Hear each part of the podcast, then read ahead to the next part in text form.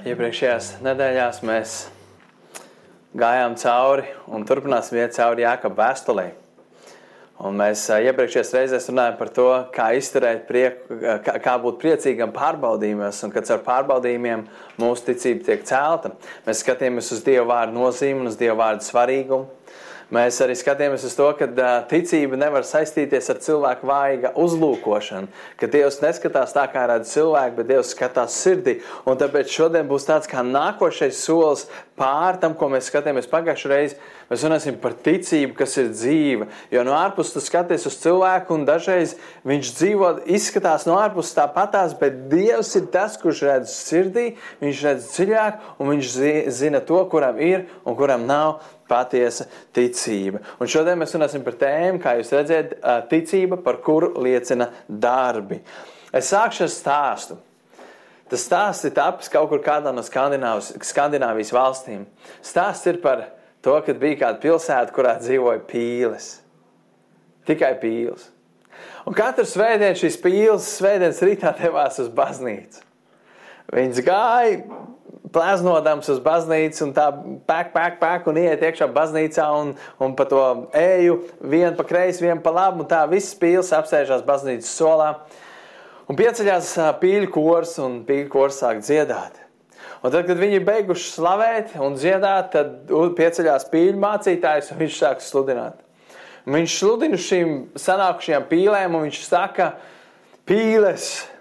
Dievs mums ir brīnišķīgi radījis, Dievam ir brīnišķīgs plāns priekš mums. Dievs mums ir devis spārnus, ar kuriem mēs varam lidot un pacelties gaisā, un lidot kā ērgļi, un skatīties. Un mēs varam nevis tikai dzīvot šajā pilsētā, bet mēs varam braukt pa pasauli, lidot un pētīt un skatīties.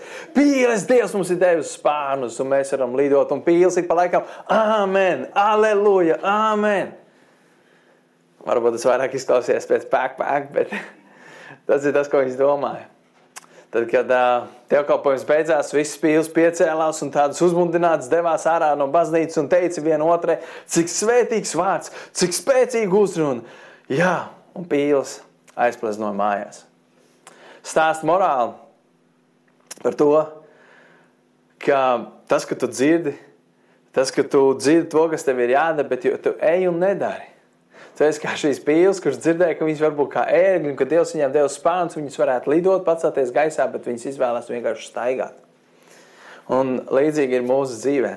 Ar mums kristiešiem mēs varam dzirdēt kaut kādas lietas, bet ticība bez darbiem ir nedzīva. Mēs par to šodien ļoti daudz skatīsimies. Ticība, par kur liecina darbi. Tad, ja Tas nozīmē, ka ir ticība, par kuru liecina darbi, un ticība, par kuru neliecina darbi. Līdzīgi kā par šīm pīlēm. Jēkab vēstulē 2.14 ir rakstīta tāda vārda. Ko tas palīdz, mani brāļi? Ko tas palīdz? Ja kāds saka, ka viņam ir ticība, bet viņam nav darbu, vai ticība viņu var izglābt? Vai ticība viņu var izglābt? Tas ir tas lielais jautājums. Un es gribu nedaudz izskaidrot šī, šī grieķu vārdas. Atkal, dažreiz man liekas, tik vienkārši teksts tikt atrasināt, ja mēs pareizi iztulkojam grieķu tekstu. Šeit ir šis grieķu vārds mē, šajā, kur sākās vai ticība viņu var izglābt. Mē, mē ir nolīguma forma nē. Tas nozīmē, um, bet es iešu nedaudz tālāk, es vēl neteikšu, kas ir. Un pareizāk būtu tulkots, vai šāda veida ticība viņu var izglābt vai tāda veida ticība, ka tas, kurš saka, ka viņam ir ticība, bet viņam nav darbu, viņš uzdod jautājumu, vai šāda veida ticība var viņu izglābt. Pirms mēs atbildam paši priekš sevis, jā vai nē, nākošajos divos pantos Jākaps dod paskaidrojumu, jeb piemēru, ilustrāciju, lai saprastu šo atbildu šo jautājumu. 15. un 16. pantā rakstīts, ja brālis vai māsa ir kaili un tiem trūks dienasčās barības, Bet, kā, bet kāds no jums teiktu, ejiet ar mieru, sildieties un baudiet barību, bet nedotu viņiem to, kas miesai vajadzīgs, ko tas palīdz. Ko tas palīdz? Es uzdošu tev personīgi jautājumu.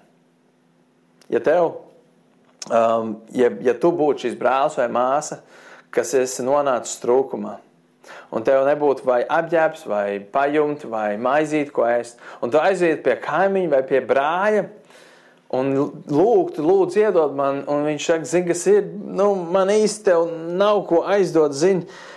Mēs paši pagājušā mēnesī, zinām, grūti laiki. Mēs paši ēšanas budžetu no 500 eiro mēnesī no, nolaidām uz 400 eiro mēnesī. Un es pats jau pēdējo mēnesi, pusotru, divus pat gandrīz neesmu vispār vienu jaunu drēbu nopircis. Biedot, es tev īsti nevaru palīdzēt. Hei, bet es varu par tevi aizlūgt. Tas, ko es gribēju teikt, 15. un 16. pāntā Jākabs saka, Viņš dod piemēru. Viņš saka, ja tev būtu tāds brālis, es tev uzdošu šo jautājumu. Pasaki man tagad tā, reāli, tu esi vajadzībā, tev nav ko ēst. Es zinu, ka mēs esam tādā situācijā, ka mēs, nu, reāli, nu, mēs neviens neesam tādā situācijā, reāli, gan drīz neviens, ka mums būtu jāiet pie kāda prasīt ēst. Mums ir sociālais servis, viss tam līdzīgs, bet iedomājieties, ja iedomājies, ka būtu tāda situācija, tu tiešām esi izsaucis mājās, bērniņi ir izsaukuši un saproti, ok, tu paņem telefonu un tu tagad domā. Kurš būs tas cilvēks, kuram es rakstīšu, kurš būs tas cilvēks, kuram es zvanīšu? Ah, piedod, man te jāzina, man ir tāda lieta, es tiešām gribēju. Viņš ir, oi, zini, ir, es tev nevaru palīdzēt, bet es brāli par tevi aizlūgšu. Bet tu zini reāli, ka viņš ir pārēdzis, viņam mājās ir. Es pateiktu tā, man tāds brālis nav vajadzīgs, man tāds draugs nav vajadzīgs. Kā, es uzdošu, kāda jēga no tāda? Pilnīgi, absolūti nekāda.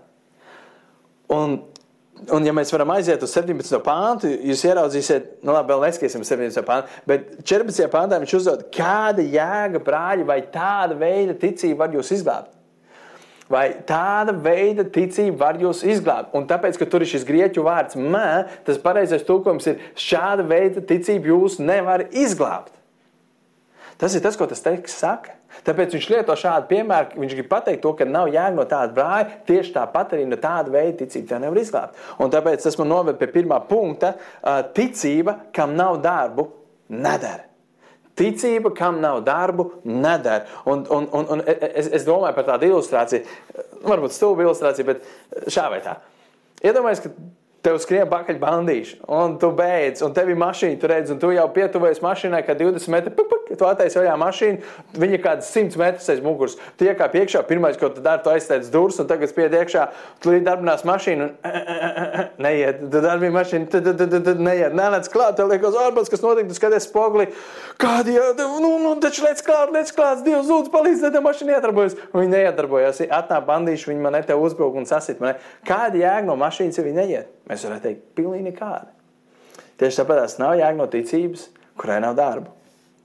Um, un kas man 17. pāntā, 17. pāns saka, sākās ar vārdiem, tāpat arī ticība, ja tā nav darba, tāpat par sevi nedzīvo. Tātad tāpat iesākās ar vārdu tāpat, uz ko tas tāpat attiecās. Tas attiecās uz 15 un 16 pāntu, kur viņš lieto šo salīdzinājumu par draugiem. Viņš saka, tāpat arī nav jēga no tavas ticības, ja tā nav darba.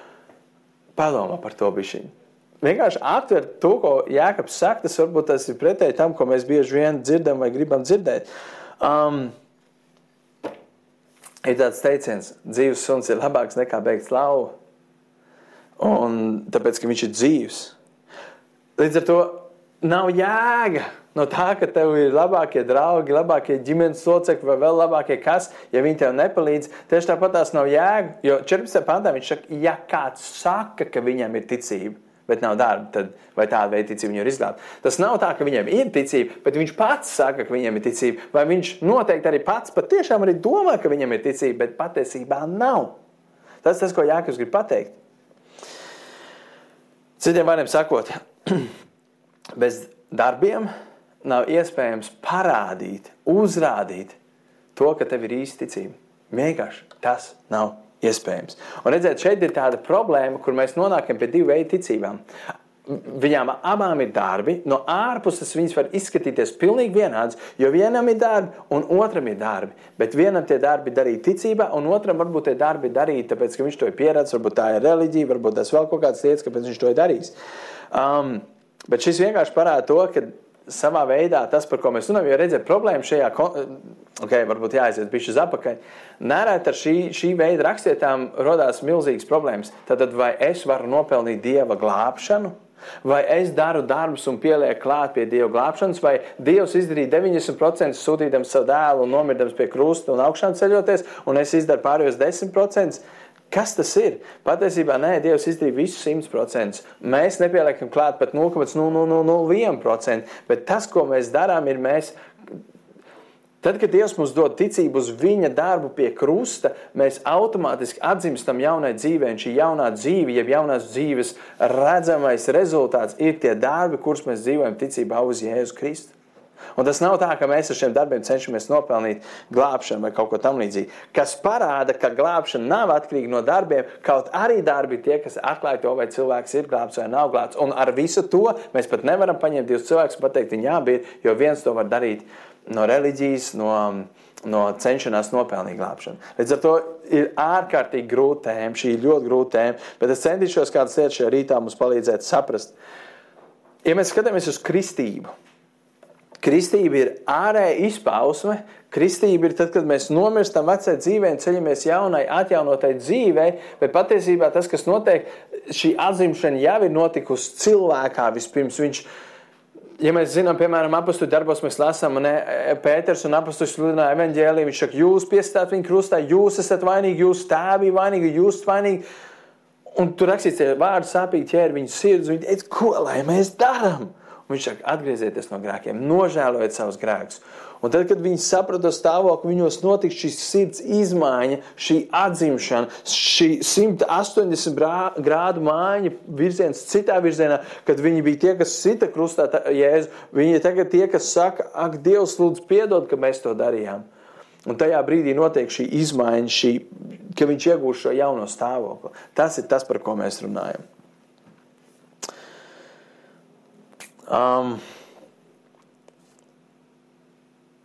Jēkabs lietoja šo piemēru par līdzjūtību, mēs varētu teikt. Viņš, lieto, viņš teica, ja tev ir draugs vai brālis, kurš redz šo vajadzību, bet nav gatavs tev palīdzēt, citiem vārdiem sakot, kāda jēga no tavas līdzjūtības, ja tā nesako darbību.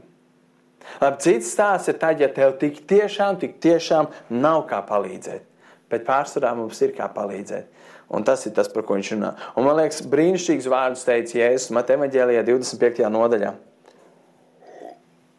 Viņš teica no 37. līdz 40. pantam, ja es runāju par to, ka mēs stāvēsim visi ties priekšā un tur stādīja svētē, viņš saka, un tad taisni atbildēs viņam un sacīs, kungs, Kādu mēs esam tevi redzējuši, izsalkuši un tevi paēdinājuši, vai izslāpuši un tevi dzirdinājuši?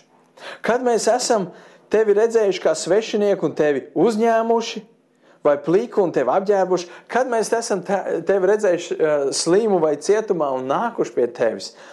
Un tad ķēniņš viņiem atbildēs un sacīs: Patiesi, es jums saku, ko jūs esat darījuši vienam no šiem maniem vismazākajiem, to jūs esat darījuši man. Es domāju, tas ir tik interesanti.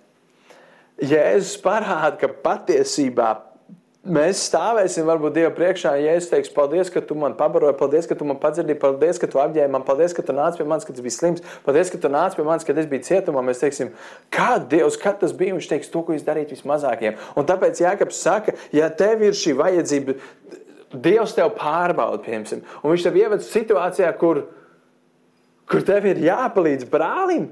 Un tu pasaki, oi, sorry, piedod, man nav, bet zini, es par tevi varu aizlūgt. Ne? Tu esi liekls, tu neesi, tava ticība ir beigta. Ticībai ir jābūt dzīvai.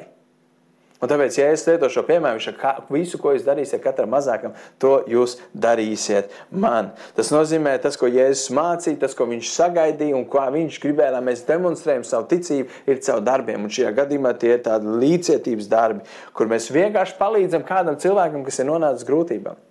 Man patīk to, ka pēc pagājušās svētdienas uh, svētdienas man atsūtīja kāda mūsu draudzes māsa, atsūtīja Um, man, man ļoti gara liecība.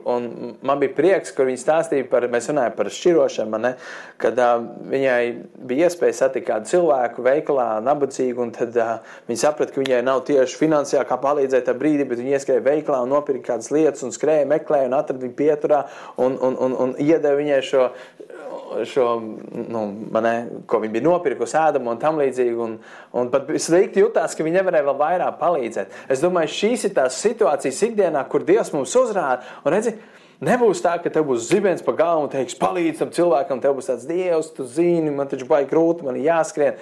Nē, parasti tas būs ļoti, ļoti kluss, varbūt pat nepārliecināts tāds pamudinājums, tu ieraudzīsi situāciju, tu ieraudzīsi tiesu un tu ieraudzīsi kaut ko.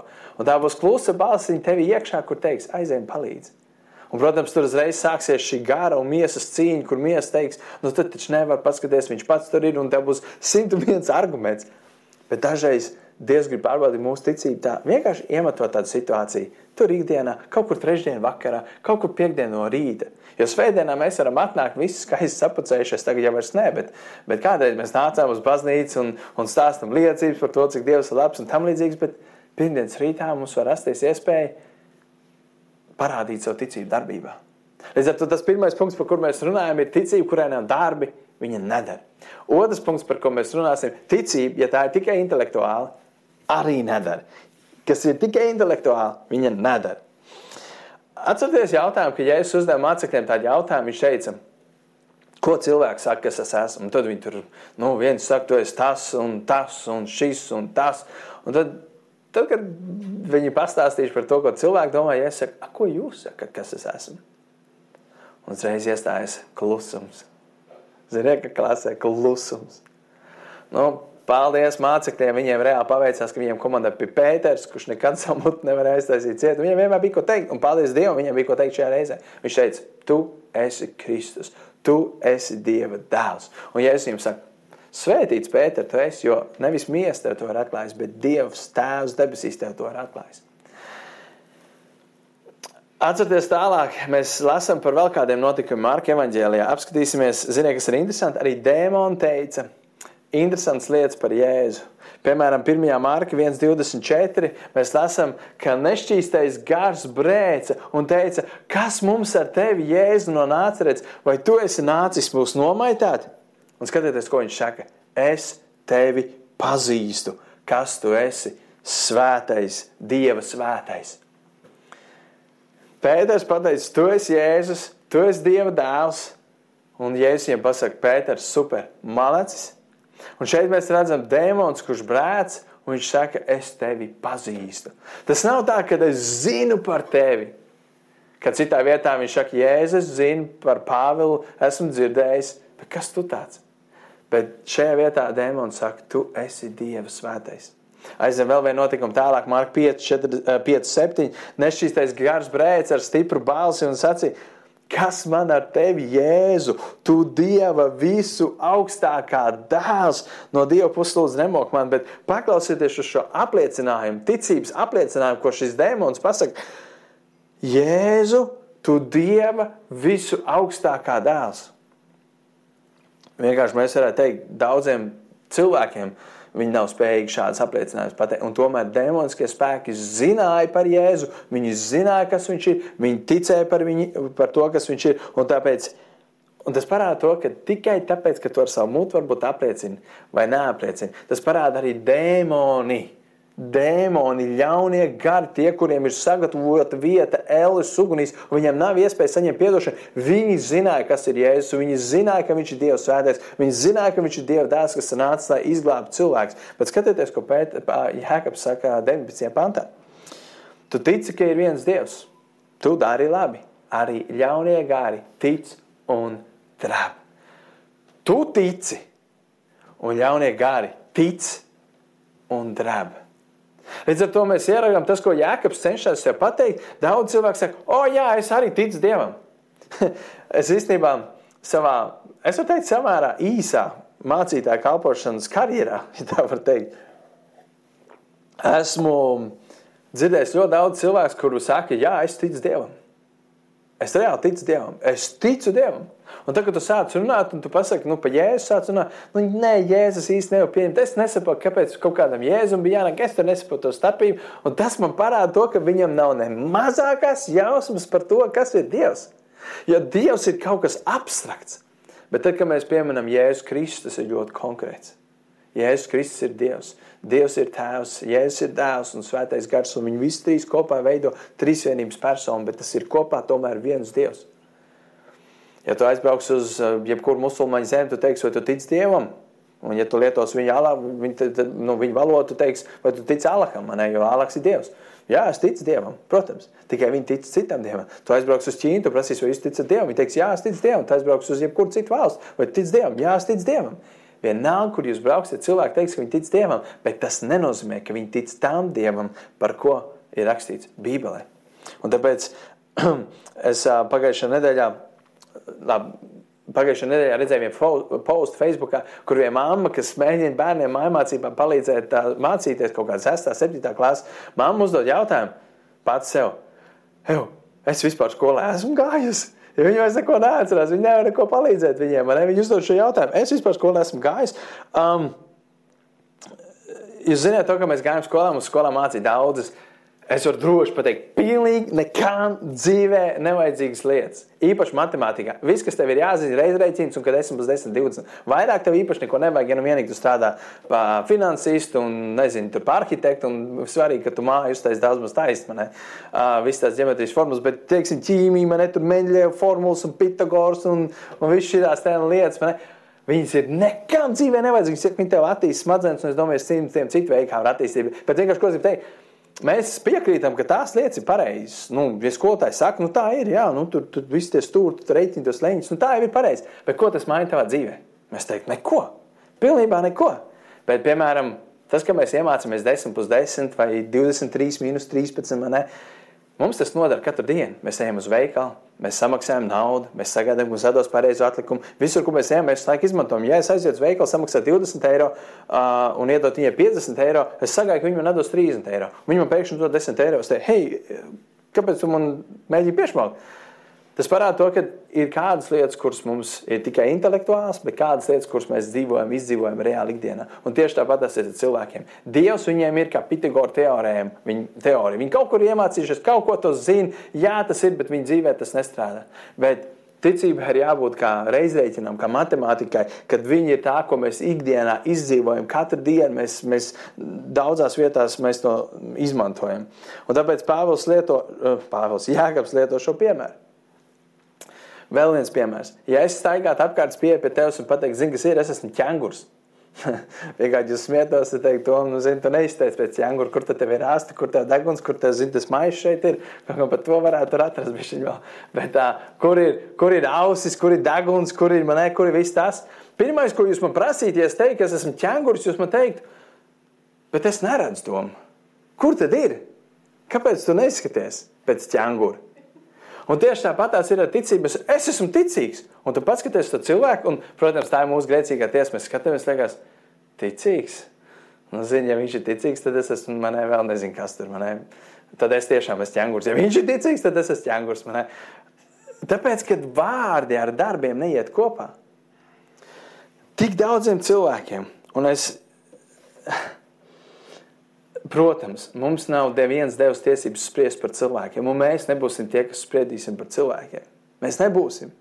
Un tomēr Dievs ir devis kaut kādas rīks, ka mēs varam pateikt, ok, es gribu redzēt kaut ko no tavas dzīves. Un darbi jau nav tas, ka viņš tur iet, dara kaut ko nenormālu. Pirmkārt, jau tas notiek iekšēji augļi, kurus varbūt tā nevar ieraudzīt. Tie garā augļi, mīlestība, prieks, miers, pacietība, lēmprātība, laipnība, visas tās lietas. Tās ir tās, kuras mēs redzam. Bet es gribu, ka mēs izlasām vienu raksturu. Tā ir reāli baisa raksturiet, bet tieši šai tēmai. Mātei Evanģēlijas 3. nodaļa, no 7. līdz 10. pantam mēs lasām.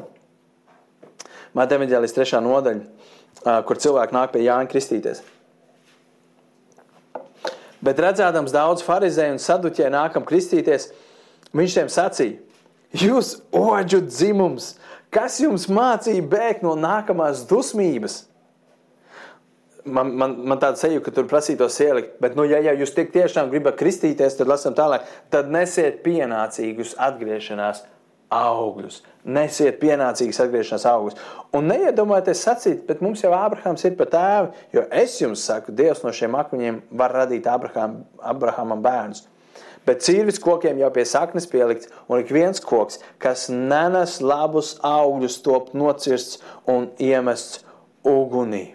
Mēs šajā rakstvietā lasījām, viņš saka, ja jūs nākat un ja jūs tik tiešām kristaties, ja tu saki, jā, es gribu ticēt Dievam, es gribu sekot viņam, Viņš saka, tad jūsu dzīvēm ir jāmainās. Tu nevari dzīvot veco dzīvi, tu nevari būt vecais farizējs, tu nevari būt vecais rakstu mācītājs, tu nevari būt sinedrīdu loceklis.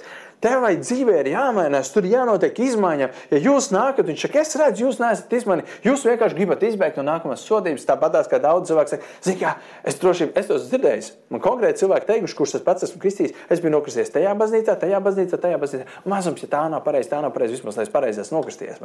Tas vienkārši parāda to, ka tas, kas cilvēka dabā viņš vienkārši mēģina izbēgt no Dieva. Viņš negrib Dievu, bet viņš grib izbēgt no Dieva dusmām. Un tāpēc viņš mēģina sev sagatavot visus šos ceļus, lai viņš varētu aizbēgt no viņa. Bet šeit ir rakstīts, ja tu gribi tuvoties Dievam, tad nesiet pienācīgas atgriešanās augus. Jo, ja jūs nenesiet, tur ir rakstīts, cīvis kokam pie saknēm noliks, viņš tiks nocirsts, ja tas nenesīs pienācīgas atgriešanās augus. Līdz ar to mēs nevaram pateikt, man ir ticība, bet, man, un, un, bet darba man nav. Darbi ir tie, kas parāda, vai tā ticība ir dzīva. Um, es iedošu dažus piemērus jums, kā cilvēku dzīves mainījās, kad viņi nāca pie Kristus. At, e, tie, kas varbūt esat pilnīgi jauni, ja tu klausies neko no Bībeles, nezinu, vienkārši ticēt, ka tāds stāsts ir. Tie, kas jūs ticīgi, jūs jau viņus zinat. Piemēram, tas stāsts par caķei. Tas bija viens bagāts zaglis. Viņš bija muitnieks, viņš strādāja vidā, viņš apzaga cilvēku naudu, viņš patās prasīja daudz vairāk naudas, nekā viņam pienācās. Un tad, kad Jēzus ienāca šajā pilsētā, viņš tik ļoti gribēja redzēt, un tagad viņš sastapās ar Jēzu, viņš sāk ticēt Jēzum. Kas bija pirmā lieta, ko viņš teica? Viņš teica, tos, kurus es esmu apzadzis, es viņiem četrkārtīgi gribu dot, un pusi no savas bagātības es gribu izdalīt nabagiem. Un ko Jēzus pateica, šodien šī namā ir notikusi pestīšana. Vai viņa darbi bija tie, kas, o, Dievs, Jēzus teica, Nu, Mālēts, ja tu būtu teicis, ka trīs reizes atdos apakaļ, tad apziņas, tad tu nebūtu, bet četras reizes un pusi atdod nabagiem, jā, tas bija tieši tik, cik tev vajadzīgs, lai nokļūtu debesīs. Nē, ja es redzēju, te notiks sirds izmaiņa. Viņš saprata, ka viņš ir grēkojis. Viņam bija žēl, ka viņš bija grēkojis. Viņš teica, es negribu vairāk būt tāds zaglis, kāds es biju. Viņa dzīve pilnībā mainījās. Paskatīsimies uz Mateju, viens no mācekļiem. Viņš bija arī muitnieks, arī strādāja vidā. Un, ja es ieraudzīju viņu, viņš bija bēdīgs, viņš bija nospiests. Tāpat kā daudz cilvēku, varbūt tas arī tur šajā rītā. Tev ir bagātība, tev ir nauda, tev ir jauna mašīna, tev ir māja, tev ir viss, bet tu esi bēdīgs, tu neesi laimīgs. Tieši tāpat kā Matejs. Un ja es piegāju pie šī Mateja, viņš teica, Matej, atstāj visu un seko man. Seko man. Un Matejs piecēlās, atstāja savu darbu, atstāja savu bagātību un gāja un sekoja Jēzum Kristum. Viņa dzīve pilnībā izmainījās. Mēs redzam to, ka tas nebija, ja es saku, nu, malacis, ka tu atstāji to ļauno amatu, tagad tu par to, ka tu atstāji to nokļūst debesīs. Nē, viņš, viņš gāja un sekoja Jēzum Kristum. Tā bija tā ticība un tie darbi ir tā redzamā daļa. Jeb tā aizberga augšpusē, bet apakšā ir, oh, labs piemērs, aizbergs, ticība ir šeit zem ūdens, un darbi ir tā aizberga virsē daļa virs ūdens. Tā būtu jābūt. Apskatīsimies tālāk vēl uz kādiem piemēriem. Piemēram, Jēzus dziedāja ļoti daudz tīzlos, kroplos, aklos. Tad, kad Jēzus viņus dziedāja, ko mēs bieži vien lasām, viņi piecēlās, slavēja Dievu un sekoja Jēzum Kristum. Viņi sāka iet Jēzum Kristum, viņa dzīves pilnībā mainījās. Kas vēl? Atcerieties, cietumnieks apakstu darbos. Viņš apsargā Pāvilu cietumā kopā ar Sīlu, kur tur ir sasist, piekaut Un notiek šis brīnums, un, un, un zemestrīce un apsargs pieskrien. Pāvils saka, mēs nekur neesam aizbēguši, mēs esam šeit pat. Un, un, un šis apsargs vienkārši nokrīt pie zemes. Viņš saka, kas man ir jādara, lai es kļūtu ticīgs. Un viņš saka, tic uz Jēzus Kristu, un tu un tās nams tiks pestīt. Un mēs saprotam, viņš ticēja, un tur rakstīts, tā pašā naktī viņš paņēma Pāvilu sadakterē viņa brūces, un tur rakstīts, tā naktī viss viņa nams tika kristīts. Mēs redzam, viņa, viņš no cietuma priekšnieka kļuva par pilnīgi izmainītu cilvēku. Ko mēs redzam Efezā, mēs lasām apakstu darbos, tur bija burvi, kuriem bija burvju grāmatas, un vienā dienā viņi visi lasīja un burās ar tiem vārdiem, un nākšā dienā, kad viņi kļuva ticīgi, tur rakstīts, viņi visi atnesa savas grāmatas, savas burbuļu grāmatas, sameta kaudzē, aplēja benzīnu un aizdedzināja. Tur bija rakstīts vērtība, ko noteikti bija tūkstoši, tūkstoši, kas bija iztērēties grāmatās. Mēs redzam, ka tai ticībai bija sekojusi reāla darbība. Un pēdējais piemērs, ko es gribu dot, tas nav no Bībeles, tas ir no apakstu darba 29. nodaļas. Tā ir tava dzīve. Tu zini, ka tavā dzīvē ir notikušas daudzas lietas. Tu zini to, ka tad, kad Dievs tevi izglāba, ka tad, kad Dievs tevi paņēma, tu zini savu stāstu, tu, tev ir liecība, tu saki, bet mana dzīve mainījās, tad, kad es gāju, mana dzīve mainījās, mana dzīve, es, es, es, es biju tāds, un tagad es esmu savādāks. Tā ir tā apakstu darba 29. nodaļa, kas tiek rakstīta no šodienas līdz mūžībai. Tas ir tavs stāsts, tā kā tu atgriezies. Tavu ticību, to nevar redzēt, bet ar tavu dzīvi caur izmainītu dzīvi. To, ka tavs vērtības, tavs intereses, tavs vēlmes ir mainījušās pa 180 grādiem. Jā, mēs klupam un krītam, bet mēs ejam uz priekšu. Mēs ejam ticībā uz priekšu. Un tāpēc 20. pantā, 1. jākapa vēstule 20. pantā, Jākaps saka, vai tu gribi zināt, tukšais cilvēks, ka ticība bez darbiem ir nedzīva, beigta, mirusi, nav. Viņa ir mirusi, viņa ir apglabāta, viņa nomirst. Un tas, kas nomirst, tad, kad cilvēka ķermenis ja viņš netiek apglabāts, viņš sāk pūt un smirdēt. Ticība bez darbiem ir mirusi. Viņš saka, tukšais cilvēks. Kam viņš to saka? Viņš saka tiem cilvēkiem, kas domā, ka viņiem ir ticība, bet man var nebūt darba, man ir ticība un es ticu. Un man vienmēr ir licies īstenībā tik viegli. Tad, kad es, tad, kad es zinu, ka es zinu, ka es zinu, ka Jēzus Kristus ir mans kungs, es nemaz savādāk nevaru. Nu, kā es varu vienkārši neko nedarīt? Kā, kā es varu vienkārši dzīvot savu dzīvi un nevienam nestāstīt par Jēzu? Kā tas tā var būt? Tas var būt tikai tad, ja tu patiesi vēl neesi atvērs Kristu. Ja tas cilvēks, kurš patiesi ir atvērs Kristu, viņš nevar savādāk. Es domāju par Pāvilu, kad viņš atgriezās. Viņš devās uz Damasku lai iznīcinātu kristiešus, lai arestētu, bestu cietumos un kādus nogalinātu. Un pie pašas pilsētas Dievs viņu apstādīja, teica, Pāvils, stop. Un viņš atgriezās, viņš nožēlo savus grēkus. Un tajā pilsētā, kurā viņam bija plāns mest cietumos kristiešu, viņš gāja un uz ielām sludināja, Jēzus ir Kristus. Atgriezieties no grēkiem, Jēzus ir Kristus. Viņš tā sludināja, ka jūdi, kas dzīvo tajā pilsētā, tagad Pāvilu gribēja nogalināt, viņš dabūja beigt. Tā ir izmainīta dzīve. 180 grādi. Tu gribēji melnu, tu dabūji baltu, tu gribēji zaļu, tev iedeva zilu. Pilnīgi izmaiņa, pilnīgi maiņa. Un tas mani aizveda, mēs apskatīsimies tālāk, lai pirms Jākaps apstiprina šo savu domu, to, ko viņš grib vest par savu ticību. Tad mēs apskatīsimies divām lietām, ka ticības darbiem nedzīva un intelektuāla ticība tā arī nedara. Un trešā lieta būs divi piemēri no vecās darības ir ticība, kurai seko darbi dara. Tādu ticību mēs gribam, tādu ticību es gribu, kurai seko darbi, kas nav tikai tukša runāšana, vāvuļošana, bet kurai tiešām seko darbi. Un pirmais piemērs, uz kur mēs apskatīsimies, būs Ābrahams. 21. līdz 23. pāns. Ābrahams, mūsu tēvs, vai ne no darbiem viņš tāpat taisnots, ziedodams īzāku savu dēlu uz altāra? Tu redzi, ka ticība līdz darbojusies viņa darbiem, un tā darbos ticība ir tapusi pilnīga. Un ir piepildīti raksti, kas saka, Ābrahāms ticēja Dievam, un tas viņam tika pielīdzināts par taisnību, un viņš tika nosaukts Dieva draugs. Kādu dienu Dievs gribēja pārbaudīt Ābrahāma ticību. Dievs gribēja pārbaudīt, vai Ābrahāms patiešām tic Dievs vienmēr zina, bet šis stāsts parāda to, ka Dievs gribēja mums arī kā liecību parādīt, ka zem ūdens virs tā mazā kalna, kas varbūt likās tas aizberga augša, kad apakšā patiesībā ir milzīga ticība. Un tad, kad Dievs viņam saka, Abraham, es gribētu, tu ņem savu vienīgo dēlu Īzāku un upurē viņu man. Ko, Īzā, ko Abrahams darīja? Dievs, viņš strīdēs pretī, viņš teica, Dievs, nē, es negribu, bet kāda tas būs, tu man apsolīji dēlu, tagad tu man gribi paņemt prom, Dievs, nē, es negribu. Um, viņš strīdējās, vai viņš diskutēja, vai viņš beig no Dieva kā Jona, kurš vienkārši aizbēga uz pretējo pusi no Dieva. Varbūt tās, vai, vai, vai Abrahams tēloja, ka, ko, ko, ko Dievs? Ko? Halo? Es tev nedzirdu slikts signāls, halo, halo, Dievs, Dievs, ko tu gribēji teikt? Nē, nē, nē, piedod Dievs, es nezinu, ko tu saki, ko, ko, ko? Nē, nē, neko nezinu. Viņš tā nedarīja. Ko mēs lasām, ko viņš darīja? 1. mūzika 22, 3. Mēs lasām. Un Ābrahams no rīta posās ceļā. Nevis viņš vilka garumā, gumiju un vakarā, bet no rīta posās ceļā, apsagloja savu ēzeli, paņēma līdzi savu divus puikas, kā arī savu dēlu īzāku, sacirt malku dedzinām upurim un devās uz to vietu, kur Dievs viņam bija noteicis. Ābrahams nākušā rītā saposās un devās ceļā. Un ko mēs um, īstas, ja patiesas ticības pirmā tāda kā rakstura iezīme ir pakļaušanās, jeb uh, paklausība Dievam. Tā ir pirmā iezīme, ka mēs ticam Dievam un viss ir, ka mēs paklausām tad, kad mēs miesīgi negribētu paklausīt. Un mēs redzam, ka Ābrahams pilnībā uzticējās Dievam. Tur rakstīts, Ābrahams ticēja Dievam, un viņš gāja un upurēja savu vienīgo dēlu. Un tas viņam tiek uzskatīts, tika nu, dots par ticību.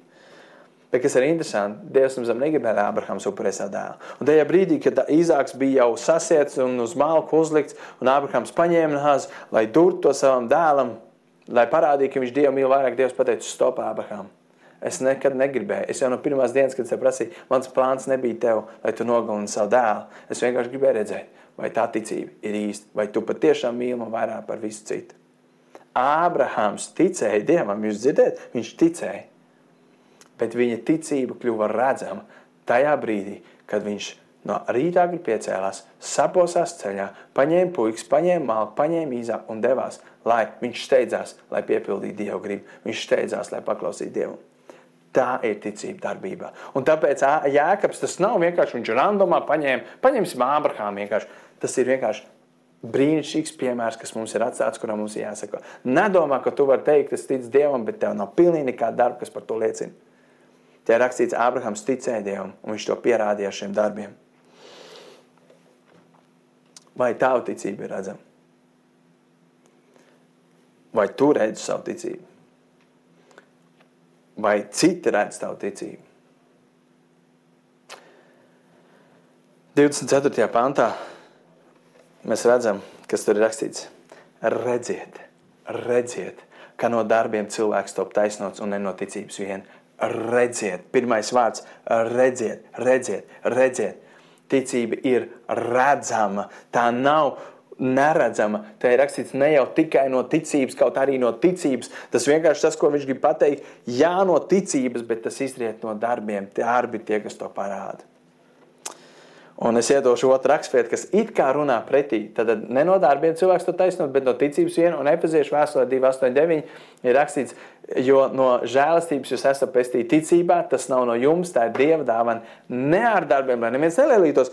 Vienā rakstīts, lai darbiem nelielītos, otrā rakstīts ne jau no ticības vien, bet no darbiem. Kā mēs to varam salikt kopā? Liekas, kāpēc tur ir tik pretruns, bet patiesībā viss ir tik ļoti vienkārši. Ticība bez darbiem ir nedzīva ticība. Un, ja mēs aiziet apakš 14. pantu, vai šāda veida ticību viņi var izglābt? Nē, nevar. Dzīvai ticībai kas tiek pieminēta Efeziešu vēstulē, kur mēs lasām, jo no žēlstības jūs esat pestīti ticībā. Šis vārds ticība viņš izriet, viņai šai ticībai sako līdz darbi, kas tiek darīti ticībā. Līdz ar to, jā, mēs tiekam 100% pestīti un glābti ticībā, bet darbi ir tie, kas parāda, ka mūsu ticība ir īsta. Un pēdējais piemērs, ko, ko Jānis lieto šajā vēstulē, 25. pantā, viņš saka, līdzīgi arī Rahāba netika, vai ne no darbiem viņa tika taisnota, sūtņus uzņemdam un pa citu ceļu izlaidam. izlaizdam šī prostitūta, šī rahāba, viņa bija grēciniece, viņa bija prostitūta. Viņa ticēja, ka Izraēla dievs ir stiprs dievs, ka viņš var izglābt. Tāpēc viņa riskēja paslēpjot šos um, izlūgus, ko kā rezultātā viņa un visas viņas nams tika izglābts, tāpēc ka viņi ticēja, Viņi varēja sēdēt mājās, viņi varēja neko nedarīt. Viņi teica, es jau esmu vienīga prostitūta, es jau esmu vienīga grēcinieka, ko tad es, ko tad es. Bet viņi ticēja Dievam, ka Dievs var un ka Dievs ir spēcīgs, viņi izglāb, un viņi riskēja ar savu ticību. Viņi teica, nē, viņi šeit nav bijuši, nē, viņi jau sen ir aizgājuši, kaut gan viņi bija paslēpusi viņu. Un tur ir rakstīts, pateicoties viņas darbīgai ticībai, viņi tika pestīti, viņi tika izglābti. Ne tikai viņa, kas ir interesanti, bet visa viņas paplašinātā ģimene tika izglābta. Tā tad ticība ir aktīva, ticība ir darbībā, ticībai seko darbi. Marks Tveins teica tādas vārdas pēc 20 gadiem no šodienas. Pēc 20 gadiem no šodienas tu būsi vairāk sarūktināts par tām lietām, kuras tu neizdarīji, nekā tām, kuras tu izdarīji. Tāpēc kādiem no jums, un varbūt tas tev, ir jābeidz dzīvot tukšu dzīvi, ticības dzīvi, tukšu ticības dzīvi, un ar savu ticības laivu tev ir jāpeld atklātos okeānos un jāsāk piepildīt to, kur Dievs tevi gribējis. Jāpeld vētrās, jāpeld viļņos, jāpeld iekšā tumsā un jāļauj šai tavai ticībai parādīties darbos. Jo ticības laiva laiva. Laiva ir radīta, lai viņi peldētu okeānos. Viņa nav radīta, lai viņi sēdētu izvilkt ārā krastā. Viņa ir radīta, lai viņi būtu okeānos. Varbūt tev ir beidzot jāizkāp laukā un jāsāk darīt un piepildīt un izdzīvot tos darbus, kuriem Dievs tevi ir radījis. Līdzīgi kā Abrahamam, viņam bija jāiziet cauri šim ticības pārbaudījumam, arī dēla īzāku upurēšanu. Rahabai bija šis pārbaudījums paslēpt šos. Um, izlūks, un tādā veidā viņas ticība tika darīta dzīve. Uh, viņi, viņi izglāba. Atpakaļ pie 14. panta. Ko tas palīdz man, brāļa, kāds saka, viņam ir ticība, bet viņam nav darba? Vai šāda veida ticība viņu var izglābt? Nē, nevar. Ticība, kurai nav darba, viņa nevar izglābt. Ticība, kas ir tikai, tikai intelektuāla, viņa arī nevar izglābt. Bet ticība tai, kurai seko darba, tā ir tā, kas viņu var izglābt. Un es gribu, ka šajā rītā mēs dziedāsim, ne, mums būs pēdējā dziesma noslēgumā. Es gribu, lai tu izvērtē savu dzīvi un uzdod sev jautājumu, Dievs, kāda ir mana ticība? Dievs, vai man ir dzīva ticība, kurai sekot darbu? Dievs, varbūt man ir tikai intelektuāla ticība, vai Dievs, varbūt tas, ka man ir ticība, kurai nav darba. Varbūt tas, ka šajā rītā tu klausies, un tu vēl neesi devis savu dzīvi Jēzu, un tu vēl neesi nožēlojis savus grēkus. Tu vēl neesi savu ticību licis uz Jēzu Kristu. Es gribu, lai tu zini, ka Jēzus Kristus tev ļoti mīl. Dievs tev ļoti mīl, un Viņš sūtīs savu dēlu Jēzu šo zemi, lai nomirtu pie krusta, un trešā dienā augšām celtos, lai tev varētu tikt piedots, lai tu varētu saņemt piedošanu, lai tu varētu iet mūžīgajā dzīvībā. Un viss, kas tev ir jādara, tev ir jāsauc uz Dievu, tev ir jāatzīst savus grēcīgumus un jāsauc uz Dievu, lai Viņš tevi izglābi. Un lai tev ticība var kļūt īsta.